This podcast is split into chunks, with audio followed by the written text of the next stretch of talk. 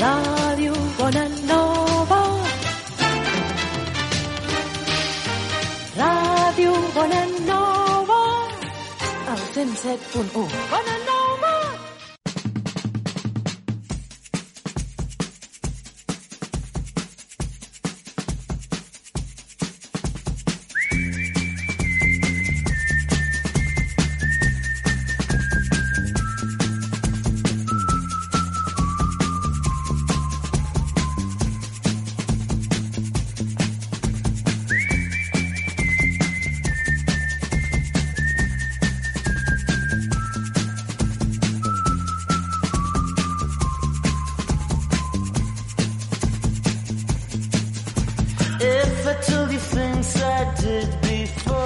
Hola, què tal? L'imperfecte. Soc en Jonathan Gomà, de Ningú no és perfecte. Ens trobem a la Ràdio Bona Nova, al 107.1 de la FM. Benvinguts. Tenim moltes ganes, com sempre, de començar el programa, oi que sí? I tant. I tant! Molt bé. Doncs tenim amb nosaltres, per una banda, la Raquel Villalobos. Hola, hola. Hola, què tal? Molt bé. I també per l'altra tenim el David Comà. Hola. I també saludem a l'Anna Valverde pel seu suport tècnic i perquè ens ajuda a ser menys imperfectes a cada un dels programes. Bona tarda. Bona tarda. Fetes les presentacions, recordeu que ens podeu trobar a Facebook, Instagram i e-books. I també, si voleu, podeu posar-vos en contacte amb nosaltres durant el programa amb el telèfon d'aquesta casa, que és el 93 202 34 36. I el número de WhatsApp, el 638 908 650. I si ningú té res en contra, comencem amb el programa d'avui. Benvinguts al Ningú no és perfecte.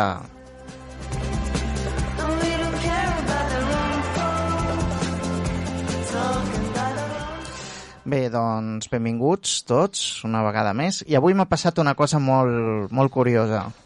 A veure, digue'ns. A veure, jo ahir estava preparant la secció d'avui i resulta ser bueno, que busco el tema i tal, i ja us avanço que parlaré de l'origen del telèfon, vale? perquè és una cosa doncs, eh, interessant, no? No tothom té telèfon i, i bueno, crec que pot ser útil parlar d'això.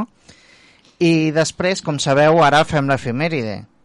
pues avui pues, busco avui l'efemèride i que em trobo que un dia com avui, a l'any 1876, Alexander Graham Bell patent el telèfon. Caram. Sí, sí, o sigui, ha sigut una cosa... Mira que hi ha Una casualitat de, de la vida. Sí, sí. Eh, aquest home també va treballar en el camp del so i en el desenvolupament de sistemes que fossin aptes per sords, o sigui, per gent sorda. I, a més a més, és un dels fundadors del National Geographic Society. Oh. Com a curiositat, doncs Caram. ja, doncs ja ho sabem. I avui parlarem doncs, una mica de, de la gent gran, no? Eh, amb, el, amb la música que sempre ens caracteritza, de la Missió Impossible, doncs parlarem de la gent gran. Un, dos, tres, ja. Gent gran. Que, que cada cop t'hi sents més identificat amb la gent gran? Home, cada cop passa més el temps, no? I un, doncs, Ja. arriba a ser més gran, no? Cada cop Clar. és més gran. Cada dia ets un dia més gran. Això no ha canviat, eh? Des de que vas néixer. Per això, per això. Hi ha, hi ha una edat que marca que ja ets gran o, o és depèn de com se senti un? Pot ser psicològic, no?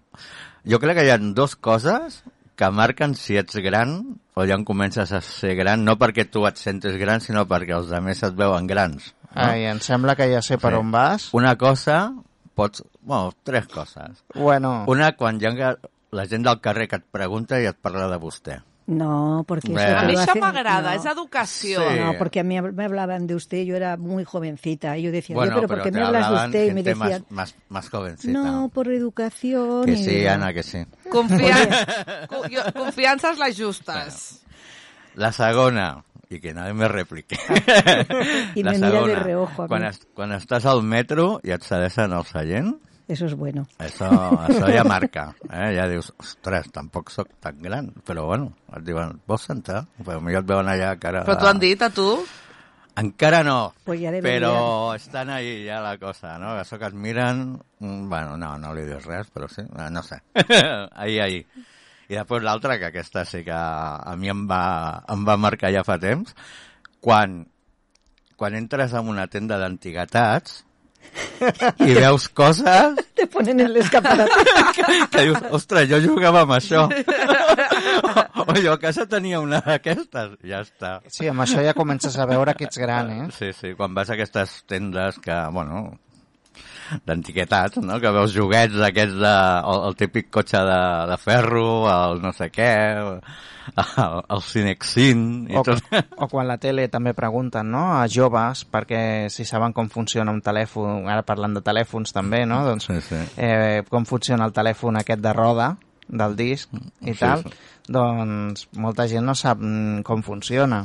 Però és que I la clar, gent dius- jove ja no sap el que és un caset o una Un caset. cinta VHS, VHS.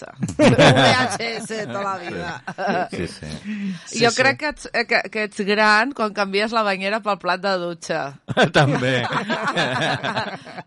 o quan has de pagar una derrama a casa, ja t'has fet gran. Pues yo creo que uno es grande cuando cumple años y punto. O sea, no cuando me siento ni no. Eso son tonterías. Tienes tantos, pues te aclaras que tienes tantos, te guste o no. Punto. Hi ha un meme que deia que un, un día eres joven y al día siguiente ves que te han cambiado todo en el Mercadona. Que Ai, ya no está igual jo como anava- lo encontrabas. Hi ha un altre meme que diu que un dia ets jove i l'endemà pateixes perquè la roba que has estès no se't mulli, que si comença Sí. a ploure. Home, sí que és cert que cada cop que ens fem més grans ens preocupem de coses que abans no ens preocupaven gens. I per Clar. què? Si abans no ens en preocupàvem, per què ara sí ens, ens preocupem?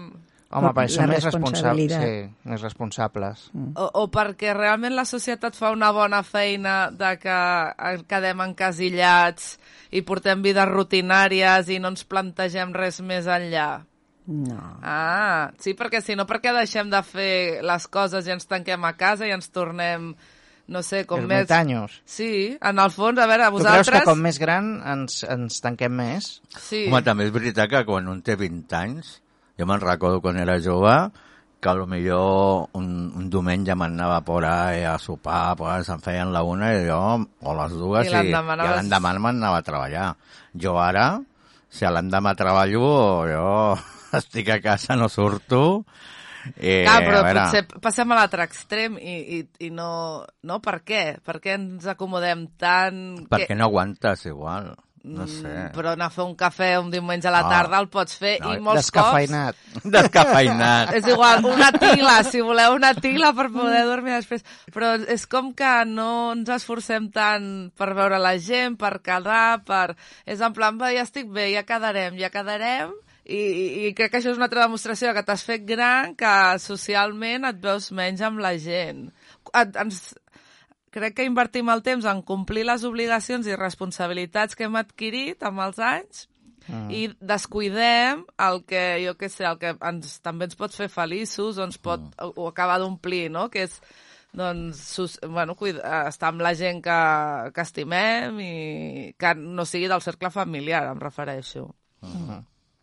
I creieu, ja parlant, nosaltres ens trobem doncs, amb una franja a prop, no? eh, Sí. Bueno, estem una cada dècada. sí? sí? pot ser, pot ser. Jo estic a la dècada dels 30 encara, per poc, però... Bé, no? 40 i 50. Sí, sí, sí. Fa, falta l'Héctor, falta Falta l'Héctor l'He- aquí. però L'Héctor estava als 60 ja. Ai, mira, cobrim les quatre Que ens dècades. està escoltant pues, pot donar la seva opinió, no? Pot fer una trucadeta o alguna Yo no digo en qué franja horaria estoy. que franja Nos lo imaginamos, ya, la del 7 u 8.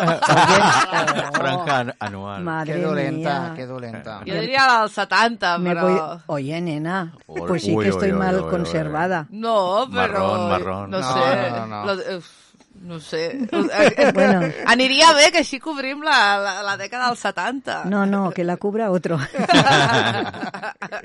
Yo desde muy niña, desde toda mi vida, eh, me negaba, siempre decía, no quiero llegar a ser mayor nunca, prefiero morirme joven.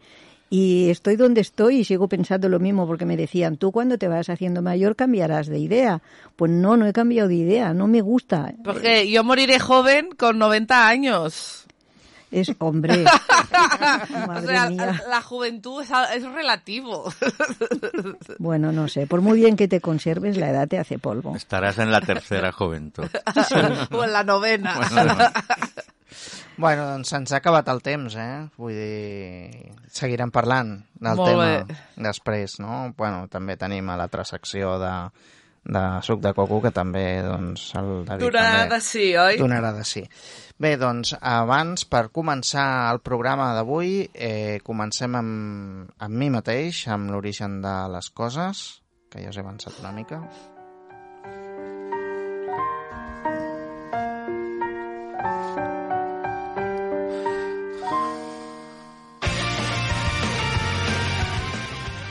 Bé, doncs, com us he dit, doncs parlarem una mica del, del telèfon i què recordeu del, del telèfon, vosaltres? El primer cop quan veu veure el, el telèfon. Era tipus gòndola. Condola. Eh, Era com un, dos totxos, un sobre l'altre, amb formes arrodonides als extrems, cobert de plàstic, que pesava molt, O el, el quadrat vermell amb la... o blanc. Ma o iaia el tenia color crema. Sí. Mm. O havien vermells, negres i aquests de color negre, amb la rosca aquesta amb els números, no? que tenies que anar marcant. Sí. Doncs està clar que sabem bastant, no?, de la, de la Això, això història. ja marca que tenim una edat. Era analògic, el telèfon era analògic, no com ara, que és pràcticament Sí. digital a totes Sí, les sí, sí, llars. sí. Algun encara no, però... Doncs es veu que en veritat el, el telèfon va ser inventat el 1854 val? per un inventor italià que es diu Antonio Meucci. O sigui, que no és el, el que us he dit abans, l'home aquest, el, Graham Bell. el Graham Bell. No el dels, el dels fosquitos, no. No, eh? no, el, el del El telèfon. Doncs, eh, per què? Perquè es veu que aquest home el va inventar però no el va patentar. Ah. Ah. Aquest va ser el problema. Uh, el va construir per una necessitat, per connectar la seva oficina amb el seu dormitori. I així podia parlar amb la seva dona, que estava immobilitzada al llit perquè estava malalta. O sigui que mm, ho va fer per una necessitat. El, el dispositiu podia transmetre senyals acústiques a distància per mitjà de senyals elèctriques. Era el precursor del telèfon actual, però Meucci no tenia diners per patentar l'invent. Mm, D'aquesta forma, doncs, el descobriment doncs, no va ser mai reconegut per aquesta Pobre. persona. O sigui, durant molt de temps, Alexander Graham Bell va ser considerat l'inventor del telèfon, però només perquè va ser el primer en patentar el, dispo el dispositiu el 1876, un dia com avui. I no va ser fins l'any 2002 que el Congrés dels Estats Units va aprovar el reconeixement d'Antonio Meucci com a inventor del telèfon. I després tenim també una curiositat, que és la primera trucada. Mm, La primera trucada. Eh, la primera trucada sense cables. Curiós. Va ser al 1973 gràcies a Martin Cooper. Era un enginyer de l'empresa de telecomunicacions Motorola. Durant els anys següents, els avanços tecnològics van permetre desenvolupar els primers models de telèfon mòbil que permetien comunicar-se des de qualsevol lloc. En aquest moment, la trucada podia tenir una duració màxima de 30 minuts. o prou bé. Sí. Jo crec que està bé, jo crec que l'haurien d'haver limitat, això. Deixar-ho a 30 minuts. Segons per aquí, mira, 30 Sí, minuts. correcte. 30 minuts està bé, després ja... I si fossin cosa... 15 tampoc passaria Arri- res. Arriba un moment que desconnectes, no? Sí, sí. Ara, sabeu la, la primera trucada aquesta d'un telèfon mòbil, que va ser l'enginyer que, que us he dit, el Martin Cooper, sabeu qui va trucar? El seu competidor, el Joel Angel. O sigui, jo crec que para fastidiarlo un poco, ¿no? Que fastidia, eh? Que inventa el teléfono. Mira lo que tengo. Mira, no? Ara que l'altre també hauria de tenir-ho, no? Perquè... Clar, el que t'anava a dir, vull dir, fastiguejar-lo no, perquè si ell tenia un dispositiu... Claro. Yo le iba a aportar, digo, yo te dejo Sí, esto te aquí y mañana, eso, y mañana espérate. Demà, Mañana- demà, demà en parlem. Demà et truco. Uh, doncs a partir d'allí, a la dècada dels 1990, hi havia infinitat de marques que comercialitzaven telèfons mòbils. Alguns eren més compactes, inclús tenien una tapa per protegir-los dels cops. No sé si en recordeu que hi havia uns que Home, tant. tenien una tapa.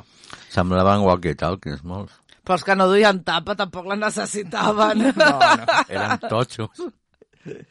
La següent gran incorporació als dispositius mòbils va ser la pantalla color. Ah, sí. Però no va ser fins al segle, eh, fins a aquest segle, eh, el que estàvem parlant, dels 90, que va aparèixer el primer telèfon, el primer telèfon amb càmera incorporada que et permetia fer fotografies. Ara, Ostres, la sí. qualitat tampoc era... Bueno, un o dos megapíxels, no necessitem més, tampoc. Home, no creguis, eh? Amb, tu, quan faràs Mínim, una mínim, pancarta Però mínim, mínim, per 3. penjar al passeig de Però Gràcia? mínim 3 megapíxels. sí, 3, entre 3 i 5 és Però crec que suficient. no arribava ni al, ni al primer megapíxel, eh? Després van arribar els missatges de text i els missatges multimèdia, que podien eh, inclu... o sigui, podien tenir imatges i so. I el 2007 es van registrar fins a 1,9 trilions de missatges en tot el món. O sigui, després ja podem tenir, com hem vist més endavant, doncs, els telèfons i rellotges intel·ligents, que també, doncs, també tenen el seu pas. Primer va ser l'iPhone, que bueno, va tenir la seva, la seva història. Però tornant una mica al telèfon, el telèfon que coneixem, el fixe, no? que li diríem, bueno, que li diem, el fixe, que és el que tenim a casa, que cada cop n'hi ha menys. Jo no però en tinc. cada cop n'hi ha menys. Doncs, com hem dit, eh, el tema del, del, del telèfon, la patent ja va tenir els seus problemes. O sigui, teníem a dos homes, que eren el Graham Bell, que hem dit, i Elias Gray. Es van presentar a l'oficina de patents a Nova York per registrar l'invent. El telèfon, bueno, diu el, el número de la patent, però què va passar? Que l'Elias Gray es va presentar dues hores més tard. Llavors, doncs, eh, va perdre. Ops. Va perdre i llavors el, el, el Graham aquest es va quedar amb el... Com era el primer telèfon? Cal reconèixer que l'alemany Philip Reis eh, va haver perdut a terme el 1863 transmissions de sons a distància per un procediment similar al de Bell. Reis moriria pobre i abandonat anys després que Bell patentés el formidable invent. O sigui, un altre que també es va quedar que no, no va poder patentar-ho. O sigui... És perquè no vivien en un món globalitzat com a dia d'avui. Sí, sí. Com a curiositat, eh, Bell era fill d'una dona sorda i d'un especialista en la recuperació d'aquests malalts, i tota la vida havia mostrat interès en l'acústica. Pel que resulta que crida l'atenció és que algú especialitzat a ensenyar a parlar als sords inventés un aparell on l'oïda és fonamental. I és cert que també treballava la recerca d'un sistema telegràfic capaç de transmetre diversos missatges alhora. Va ser als Estats Units on la seva afició a la telegrafia el va portar al descobriment del telèfon de manera casual.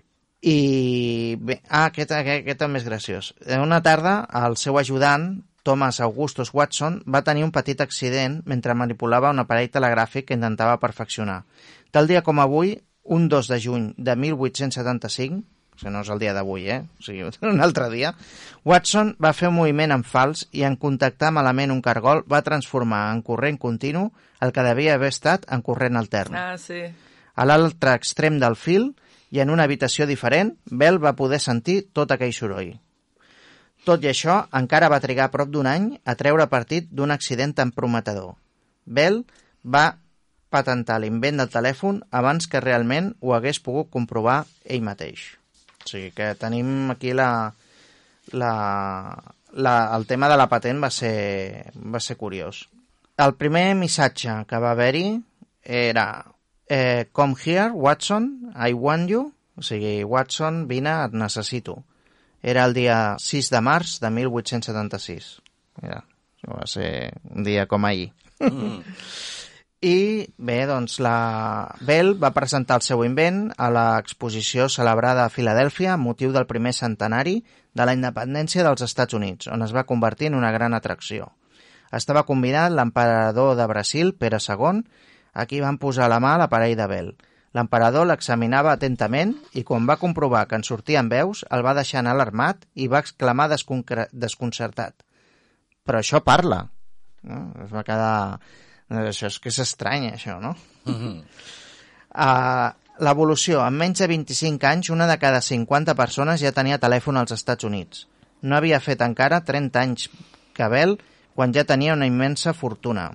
I després, com sabeu, hi havia la central telefònica, que eren les, les dones que contactaven allà amb els cables. Les xiques del cable, Les xiques no? del cable. Que tú llamabas y decías, quiero hablar con, con Jaén.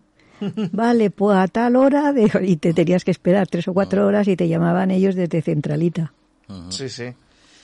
Eh, però es veu que el, el tema de la, de la telefònica, o sigui, de la central telefònica, es va crear l'automàtica expressament perquè es veu que hi havia aquestes noies que sabien massa de la gent. Claro. O sigui, també sabien I- xafarderies, Sí, sí. I sabien... l'espionatge es va fer servir per espiar sí, també. Sí, sí. Strower va ser el que va inventar la central telefònica automàtica. Eh, va pensar que calia eliminar l'operadora, cosa que va ser possible després d'aconseguir que en despenjar l'aparell no en sortís la veu preguntant amb qui volia comunicar, sinó que això es fes de manera automàtica. És a dir, l'abonat podia marcar el número d'un altre abonat oprimint una combinació de tres botons.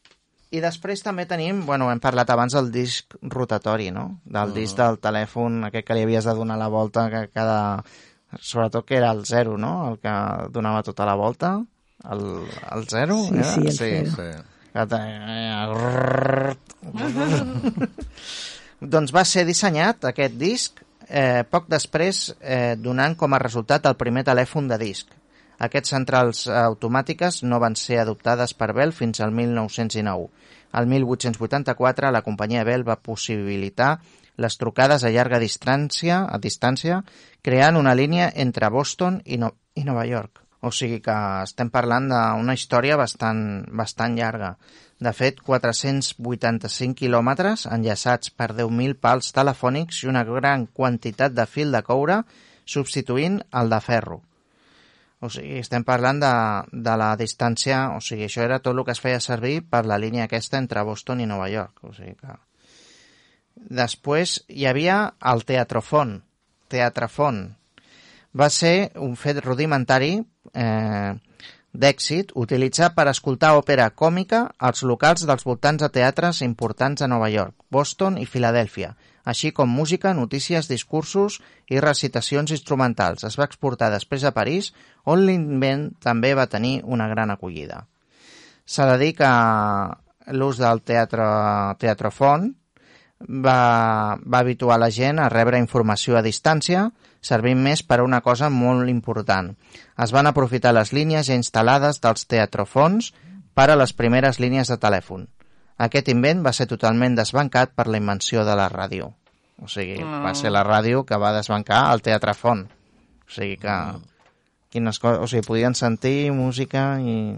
Era com una ràdio. Però la ràdio doncs, va desbancar i aquí s'ha quedat. I bueno, podíem parlar de moltes més coses, com el primer telèfon públic que va estar a la disposició de la gent en un banc de la ciutat de Hartford, estat de Connecticut. El seu inventor, associat amb altres, va crear el 1891 els telèfons de monedes en una cadena de grans magatzems. Després vindria el telèfon portàtil, com hem parlat, telèfon mòbil o celular, el de butxaca, el telèfon de comandament vocal i fins i tot el telèfon per sords, petit aparell que s'incorpora al telèfon i possibilita la reproducció dels missatges en una pantalla de cristall líquid. O sigui que, i el que ha anat avançant, doncs ha sigut molt... O sigui, aquí una petita gran història del, del telèfon, que espero que us hagi... Y, el- y de los primeros teléfonos móviles que eran como una caja de zapatos de grandes Sí, y pesaban un aquells. montón. Yo me acuerdo que tuve un- una persona, un hombre, que un chico que conocí y, y él tenía eh, el tel- eso yo el- es el primer móvil que vi teléfono móvil lo llevaba en el coche y era enorme yo le decía oye pero dónde vas con eso si pesa un montón se lo tenía que dejar en el coche porque encima no lo podía llevar claro Bueno, ara no pesen, però són gegants, també. sí, Sí, ara hem tornat al revés. Sí. Abans com, va haver una època que eren com més petits millor, després ara tenen que ser grans per la pantalla, o sigui que, sí, Clar, sí, que les els, modes. els telèfons mòbils d'ara el que la gent fa menys és trucar. És més un ordinador que una Sí. altra cosa. Sí, sí. Bueno, doncs continuem. Ara anem amb la secció de la Raquel, Dones amb història.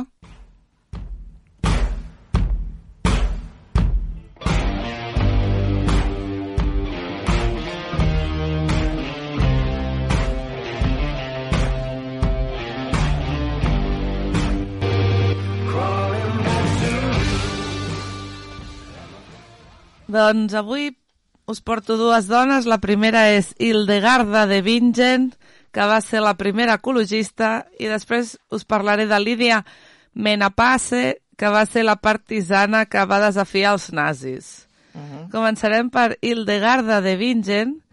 Eh, molts segles abans de que l'ecologisme arribés a les nostres vides, va haver-hi una dona que ja va establir els principis de l'harmonia entre l'univers i l'ésser humà i va advertir eh, sobre les conseqüències de no respectar-ho. Aquesta dona, una monja benedictina, teòloga, filòsofa i precursora de la medicina, va viure a Alemanya al segle XII i es deia Hildegarda de Bingen. En una època en la que els monestirs van ser responsables de donar un gran impuls al desenvolupament de la farmàcia, Hildegarda va portar a terme una intensa labor científica trobant eh, medicines botàniques per les, pels, pels dolors d'allò més variat i se la va considerar la primera dona metge d'un país teutó. A més, aquesta mística va arribar a ser abadesa i va morir a l'edat de 81 anys. També va brillar en altres àmbits com en el religiós, l'artístic, va escriure més de 70 obres musicals i un centenar de poemes i inclòs en l'àmbit polític. Va fundar dos monestirs, es va mantenir, va mantenir correspondència amb reis, emperadors i papes i fins i tot va inventar una llengua amb mil paraules, precursora de l'esperanto. Mm. Inspirada per les seves visions místiques, va escriure varis llibres, com els tractats sobre ciència, naturalesa i medicina, físiques, Causae et Cura i Liber Simplicis, Medicine. En aquest últim, Hildegarda va registrar per primera vegada l'ús del lúpul en la fabricació de la cervesa. En definitiva, va ser una de les dones més influents polifacètiques i fascinants de la baixa edat mitja i de la història d'Occident, i la seva visió de la societat va ser revolucionària.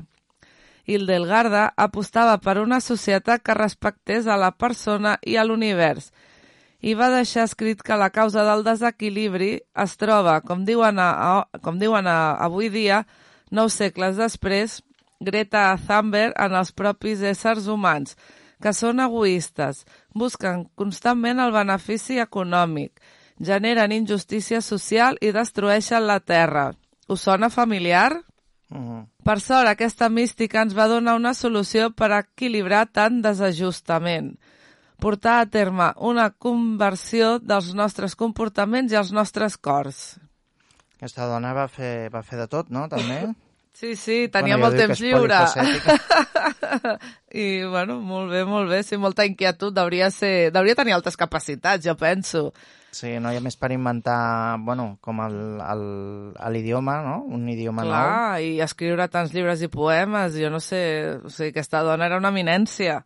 És això, hauria ser bueno, molt sàvia i, i no, no hauria saber estar quieta, no?, sense fer res, o seient al sofà o netejant, preferia sempre estar aportant alguna en aquesta societat. Doncs ara parlarem de Lídia Menapace, Um, aquesta dona que ens, que, de la que us parlaré avui va ser molt valenta, intrèpida i sobretot defensora de la llibertat.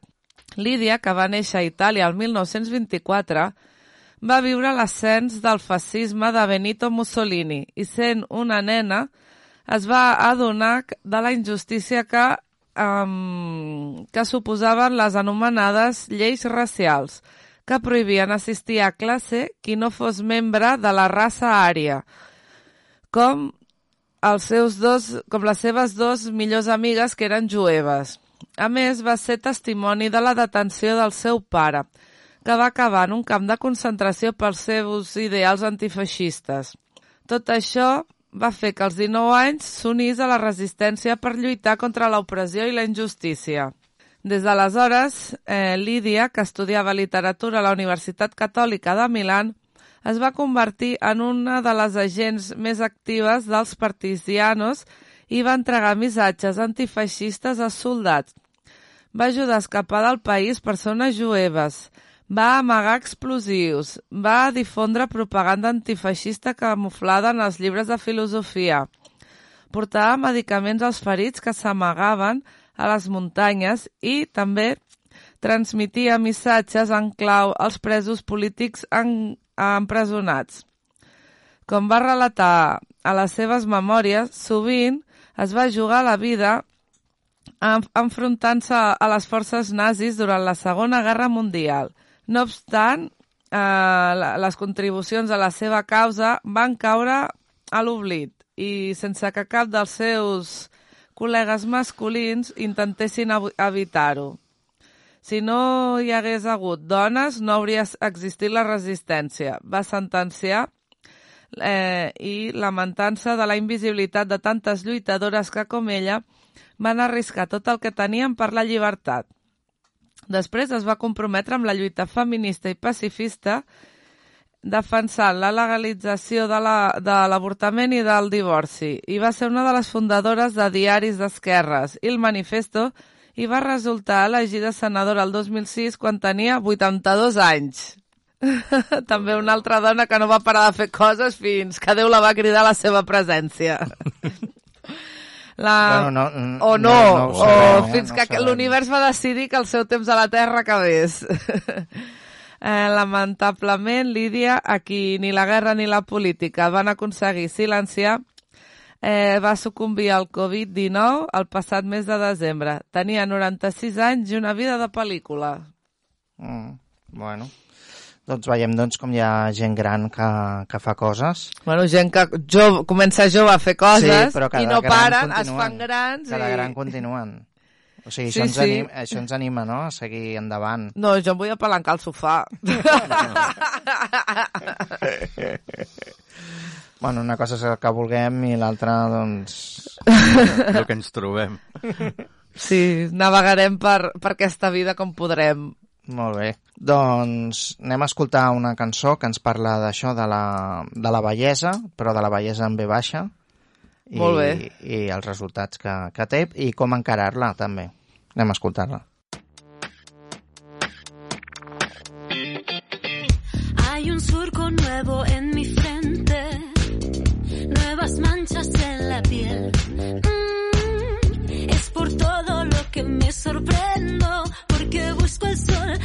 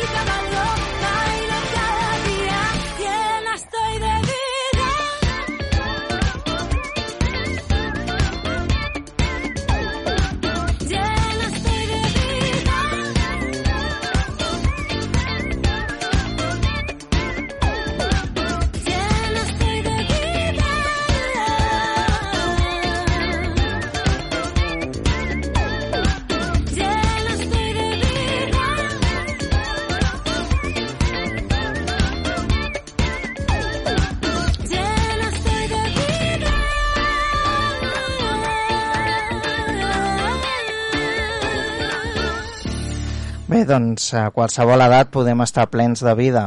Sí, No? Tant. en una edad más que en otra. Però bueno, o sigui, és aprofitar el dia. Doncs recordeu que estàs escoltant Ningú no és perfecte, estem a la Ràdio Bonanova, al 107.1 de la FM, i si vols participar, doncs ho pots fer al telèfon al 93 202 34 36. I ara, seguidament, tindrem la secció del David amb suc de coco. Dense state that nearly 14 billion years ago expansion started. Wait, the earth began to cool, the autotrophs began to drool, Neanderthal. Molt bé. Doncs seguim una setmana més portant frases polèmiques o no, si esteu d'acord o no, no.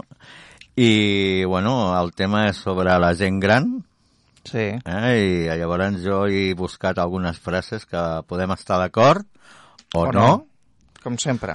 O mitja sí, mitja no, aquestes frases que dèiem, home, en part sí, però Podem discrepar, oi? Ah, això.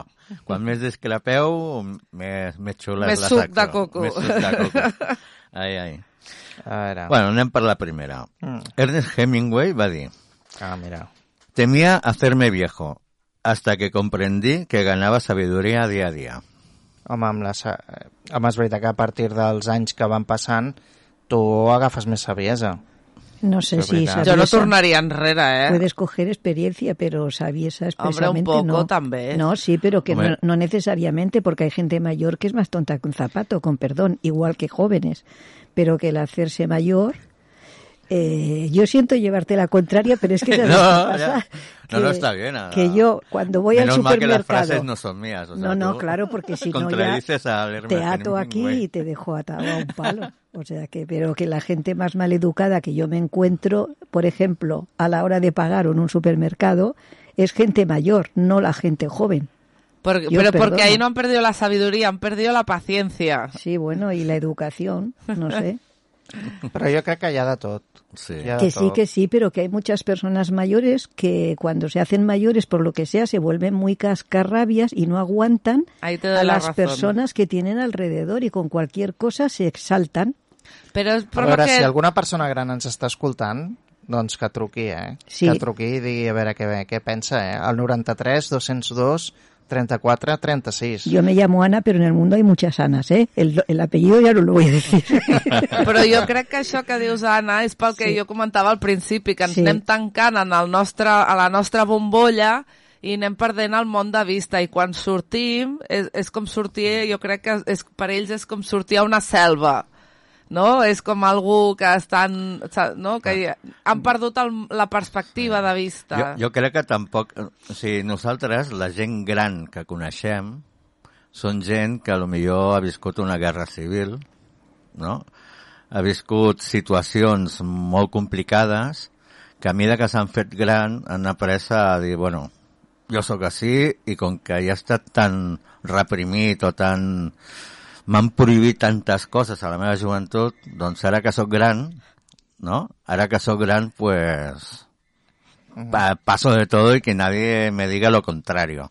Saps el que vull dir? Sí. En canvi, quan, quan els joves d'ara, quan siguin grans, com que ara fan el que volen, no? pues a lo millor canvien una mica el xip, no? Van, van agafant Pot ser. aprenentatge i tal, però jo crec que segons les generacions són, són diferents, no? No sé. Eh, anem a per una altra? A Sí, veure... perquè Sí, si no sí, ens sí, quedarem sí, sí. aquí Sí, sí. un quart d'hora. Eh, William Shakespeare Ah, va dir. Los viejos desconfían de la juventud porque ellos han sido jóvenes. Espera, que em sembla que ens diuen que tenim una trucada. Ens diu l'Anna. Oh, Hola? Sí? Hola, Hola. En qui parlem? amb la mama dels nens. Ah, hola, Maria mira. Àngels. Què tal? Què tens que Jo he explicar? com- sí, jo he comentat que quan una persona és cascarràbies de gran, ho és de jove també. Ah, Que no canvia. La que és cascarràbies de jove, de gran continua igual. I la que és pacífica, doncs és pacífica sempre, de vella i de, de jove. Però quan un és jove i és cascarràbies, quan és gran, és igual de cascarràbies o, o més? Què dius? que dic que quan un és gran, Se li accentua la mala llet. clar, Home, depèn de les circumstàncies també, però vaja, és que ho ha sigut sempre. És que ho ha sigut sempre. mhm, Vale. doncs sí, sí. Bueno, Ja està. i, Nosaltres ja tenim experiència sí, no? per la vostra àvia. també, també, sí. Adéu, Vinga. Bueno, Bona moltes tarda. gràcies, mama. adéu, Bona tarda, mama. Adéu. adéu. Adéu. Molt Estava bé. a prop del telèfon i se sentia... Se sent Feia el retorn. Sí, Sí. sí. Molt bé. Di eh, deies el, el William, Shakespeare. Digo, los viejos desconfían de la juventud porque ellos han sido jóvenes. Mhm. També pot ser, no? Sí, no et fies de... Quan un ja és gran, suposo, no? No et fies dels joves, perquè, clar, tu també has sigut jove i saps, saps de què va la joventut, no? Parece que sea su enemigo número uno, pero es que no estoy de acuerdo. ¿No estás de acuerdo? No. Claro, porque tú no te sientes mayor. Este es el problema. Bueno, yo Que no. te sientes joven. Tú no desconfías Bueno, de los no es un jóvenes. problema. Eh, yo, No, yo no, El problema de que está en contra.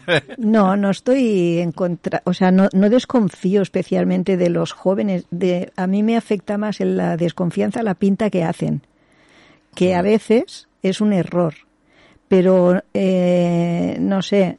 Yo no desconfío de los jóvenes, eh, de los normales, digamos. No nos vamos a ir a estos que salen por la tele, como ayer que vi que da un miedo que te mueres aquí en Barcelona, las bandas no sé qué, las bandas no sé cuánto y las que están haciendo. Los normales que conocemos eh, de día a día, a mí me parecen que son pues eh, muy majos, sanotes y que viven la vida de ahora, que y que sí que son respetuosos. Es que también, aparte de joven, debe depender mucho la educación que te dan en casa. Hay de todo, como en Por todas eso. partes. Claro Yo supongo que también, también depende de uno cómo ha vivido su juventud. O sea, si tú, yo qué sé, cuando has sido joven, has, has pasado de todo, no has hecho caso a nada, has hecho lo que te ha dado la gana y no has sido nada responsable ni nada. Claro, cuando eres mayor no te fías de los jóvenes, pues te piensas que, que han sido o son como tú eras antes.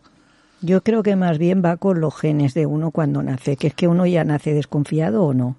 Porque hay No. personas que les da muchos palos y nunca acaban de desconfiar de las personas. O depende de donde te crías. No es lo exacto, mismo sí, crecer sí, en sí. una ciudad de 3 millones y medio de habitantes o en un pueblo de 5.000 habitantes. Claro, O en según qué barrios. también. Claro. Sí, sí. Depende de la calle que tengas en, en- en los hombros. También, Sí, también. sí. Pablo Picasso dijo, cuando me dicen que soy demasiado viejo para hacer una cosa, procuro hacerla enseguida. Muy bien, así me gusta. Le apoyo. ¿Estás de acuerdo? Estoy de acuerdo. Oh. Però clar, Però això de és fer-ho de necessari fer-la perquè, Però clar... fer-la de pressa. Clar, per Em demostrar en seguida de que no ets tan vell com es pensen que ets. És que jo, jo l'altre, aquest cap de setmana li deia a una amiga, dic, és que ja no vull arribar a tot. Podria, sí, però no vull. no vull córrer. Bueno, però tampoc es pot arribar a tot. Home, si t'ho proposes, sí. Ara Home, pagues un preu. Agafa un estrès i una ansietat que no Pa- vegis. o, o pagues un preu físicament parlant, però és que no, per què? És que... Mm, a, a, per què vull anar a tres o quatre eventos? Sí, Home, amb que un no. en tinc prou, o amb cap, no?, el que dèiem. És que ja, el que passa és que ens fem grans i ens costa més aguantar la gent, jo crec. Tenim menys paciència. Sí, la veritat O nos que sí. importa menos No, el, el que contestes o el que hagas. O sea, se te va la paciencia, pero a veces dices, ¿y qué me importa? Pues ala, te digo esto. Y si te gusta bien y si no, pues también.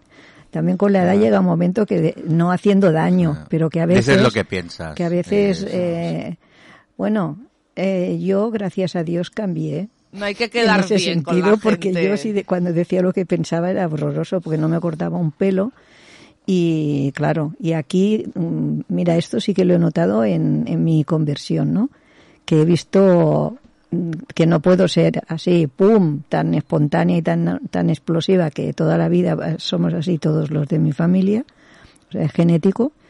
Y, y aquí he aprendido desde que, que vengo a la iglesia, que he tenido pastor, que oigo, leo la palabra, que tal, os he conocido a vosotros, todo eso me ha influido para, para bajarme los humos, para que se entienda que no es que tuviera humos, es que siempre he tenido un carácter muy fuerte. y por reprimírmelo. Entonces también creo que la edad influye en que llegues a estas conclusiones. De decir, bueno, a ver tú que reina el mambo, ¿qué te has creído? Bájate para abajo. Molt bé. Uh, Catherine Hepburn. He- guapa. He- Hep- Hepburn. Catherine Hepburn va dir, clar, jo aquesta frase la poso a l'edat que ella ho va dir, a l'època, perquè ara millor és diferent. No? Que avui en dia hi ha Avui moltes dia és coses diferent, políticament no? incorrectes. No, ya, ya, es, es muy fácil porque, bueno, yo la digo. Y cuando más se envejece, más se parece la tarta de cumpleaños a un desfile de antorchas. No sé por qué, no lo entiendo. Claro, an- Por- por el número de velas. Claro, por el número de velas. Claro, cuanto más mayor te hace. Ahora no, ahora cuando ya uno es mayor ponen una vela o ponen las velas Un con los números. Con los números A mí o ya me la un ponen, eh, te lo aviso. interrogante, o ponen un uno como que haces un año más.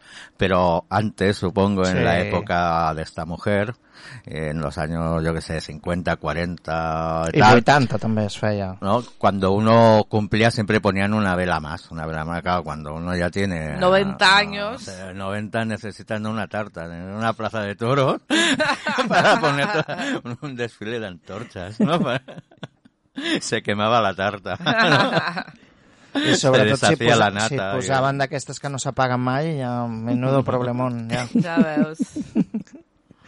Bueno, Molt bé. sí. George, aquest és complicat. George de la jungla. George Christoph Lindenberg, no, No sé, sé qui qui era. és. Per què Però- no dius, algú va dir, Algú va dir. i ja no, està. Però, no, si algú el coneix.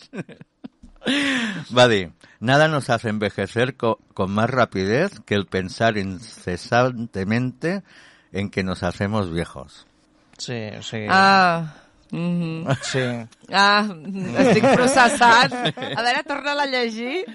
Nada nos hace envejecer con más rapidez que el pensar incesantemente en que nos hacemos viejos. Mm. Sí, com més Sí. ho penses, pitjor. Jo intento- Ai, que em faig gran. jo Ai, intent- que em faig gran. Jo intento no pensar-ho, però és que hi ha gent al meu voltant que no em recorda que em, fa, em faig gran, però t'envien un àudio simpàticament per saludar-te, la- o, saps? I, ah, és que em passa la setmana molt de pressa, ja estic pensant en Setmana Santa, i estan tres mesos dient que estan pensant en Setmana Santa i amb l'estiu i amb Nadal, i, és... Sí, sí. I ja li he dit un parell de vegades, pensa en el present, a l'aquí, l'ara. Ah, és que així m'anima, m'anima. No, no, busca el, en el dia d'avui alguna cosa que et faci feliç. Cinc minuts de, jo què sé, de seure't amb... i no fer res, mirar a l'horitzó. Però deixa de parlar-me de la Setmana Santa, que fas... o ja, ja m'està parlant de la Setmana Santa i de l'estiu. És que... Sí, sí, i després passarà i I tornarà a estarem parlar a del Nadal. i estarà pensant... Ai, no cal, no cal. Hi ha, hi ha una frase semblant de Francisco de Quevedo que va dir todos deseamos llegar a viejos y todos negamos que hemos llegado. ¿no? No, es tampoco le doy la Hombre, tú lo niegas, Ana, tú lo niegas. A ver, Gente joven, sí, sí. a ver, Raquel, éramos amigas, ¿no? Éramos. Pues ya no lo somos. Ya, ahora ya Mira me lo tú, voy a Qué pensar. a complicado. pensar. No, porque yo creo que mi problema es al revés, que sí que me doy cuenta que me hago mayor y lo que pasa es que no lo acepto porque no me gusta. Pues es la frase, Ana, Claro, es la es- Pero frase. yo me doy cuenta que me hago mayor. Lo que pasa Es lo que digo. Cuando eres joven dices, ostras, cuando sea mayor haré esto y hoy cuando sea mayor, pues no sé, como que... te El dia que em jubili, el dia que em el día que me jubile, ho tal. he sentit tants anys a Cuando casa. ya uno es mayor y dice, bueno, tampoco soy tan mayor, ¿eh? Que yo me siento muy joven, nada, ¿eh? soy que- atípica hasta para eso porque yo nunca he dicho esas cosas. Ni cuando me jubile, ni cuando sea mayor, ni cuando no sé qué. Yo decía, yo no me quiero hacer mayor y ahí me mantengo. Lo que pasa es que, claro, aquí estoy.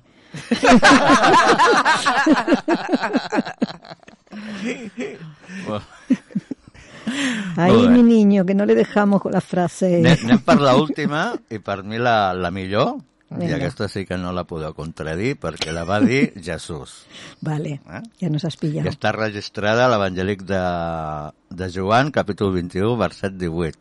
Y digo así, cuando eras más joven, te ceñías e ibas a donde querías, mas cuando ya seas viejo, extenderás tus manos y te ceñirá otro y te llevará a donde no quieras. ¿Cómo os habéis quedado? Yo, Pasma. Pasma. Sense, Està hablando sense de- paraules, no comments, No. Bueno, és sense la paraules. realitat de la és vida, la realitat, no? I, bueno, I també jo ho veig molt a la, a la meva feina, no? A l'estar a la residència, allà tenim persones que, clar, quan eren joves o quan eren autònoms, no? Es vestien i anaven aquí, anaven allà, anaven allà on volien, i ara estan pobrets amb una cadira de rodes, els tens que vestir tu, els portes a un millor a algun lloc que ells no volen, els vesteixes d'una manera que potser ells no es vestirien així, a lo millor. Els fas caminar sense que en tinguin ganes. Sí, li fas fer coses que no... Això, no? I, no sé, em va fer molta gràcia po- posar-la aquesta frase. A la Bíblia hi ha un parell de frases més que no hi he pensat, ara m'hi has fet pensar, que parla de les canes i de les arrugues. I... Sí, sí, sí. Molt bé, doncs Doncs ja, ja està? jo crec que sí. Vale, d'acord. Doncs continuant, també parlant una mica, ara que deia també la, la Raquel, que la, a la Bíblia ens parla molt de la, de la, de la bellesa, en B baixa, També parla de la bellesa en ve alta, però avui no També. la tocarem. de la bellesa com una part normal de la vida en aquest món. Eh? I eh, l'honor és present en aquest procés.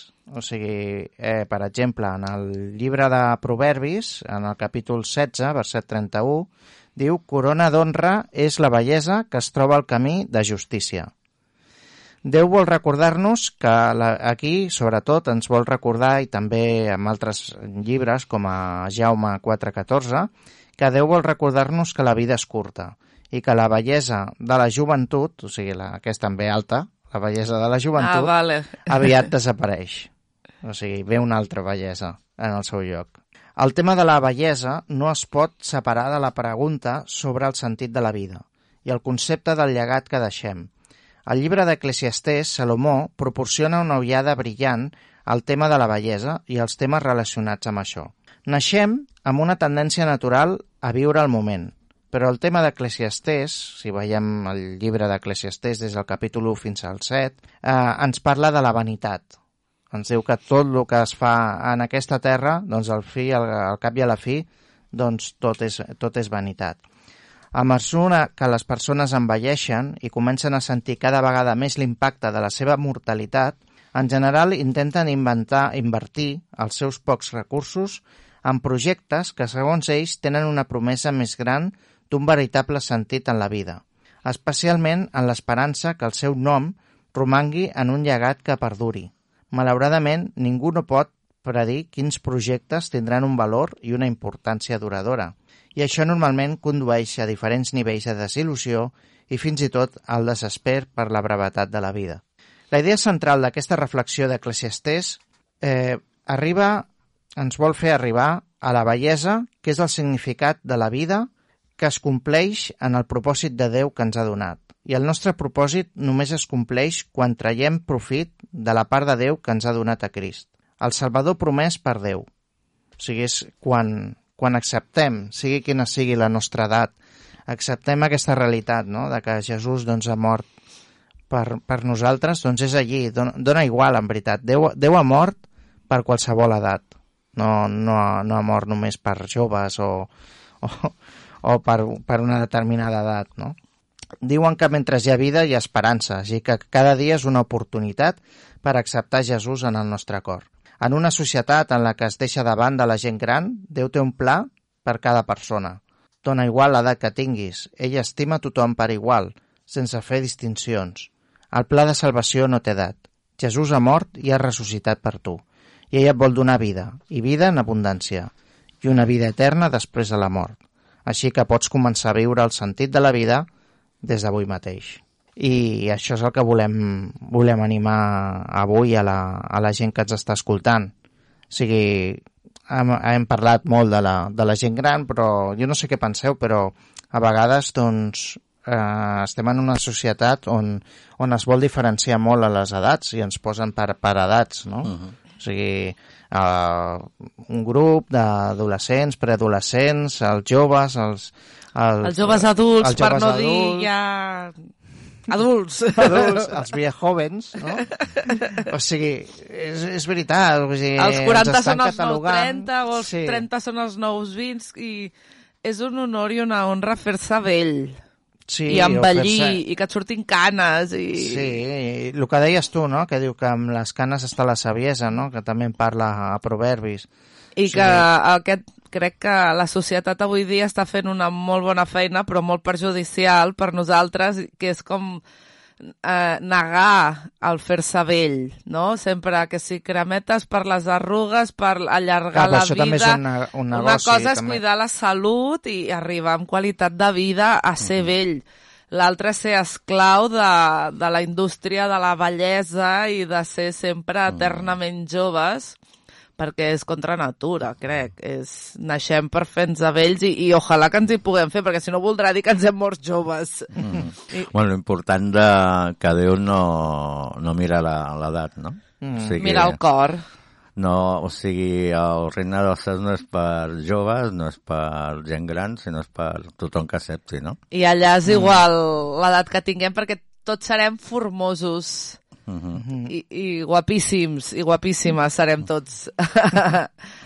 Sí, sí, o sigui que eh, qualsevol persona que ens estigui escoltant doncs que sàpiga que avui doncs, tens l'oportunitat per acceptar aquesta, aquesta realitat, no? de que Jesús un dia va morir a la creu per tu, per donar-te vida, i que eh, ho pots acceptar siguis eh, l'edat que tinguis i així com a la societat, com hem estat comentant, doncs es deixa de banda doncs, a vegades certes edats perquè això ja no, ja no convé o perquè no es veu bé o qualsevol cosa, doncs aquí Déu està fent tot el contrari, ell t'accepta tal com ets i vol que, que siguis doncs, el seu fill, acceptant aquesta realitat, acceptant que Jesús va morir en una creu per tu i va carregar doncs, els teus pecats sobre ell.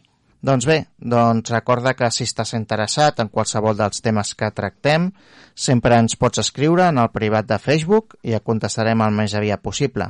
També pots trucar al telèfon d'aquesta casa, que és el 93 202 34 36, o al número de WhatsApp, el 638 908 650. No hi ha res més a dir? Segur? No. A la una, a les dues, a les tres... Bueno, doncs hi ha molt a dir, però és que no acabaríem. Vale, doncs... Si vols marxar... Doncs bé, porteu-vos bé i recordeu que... Ningú no és perfecte.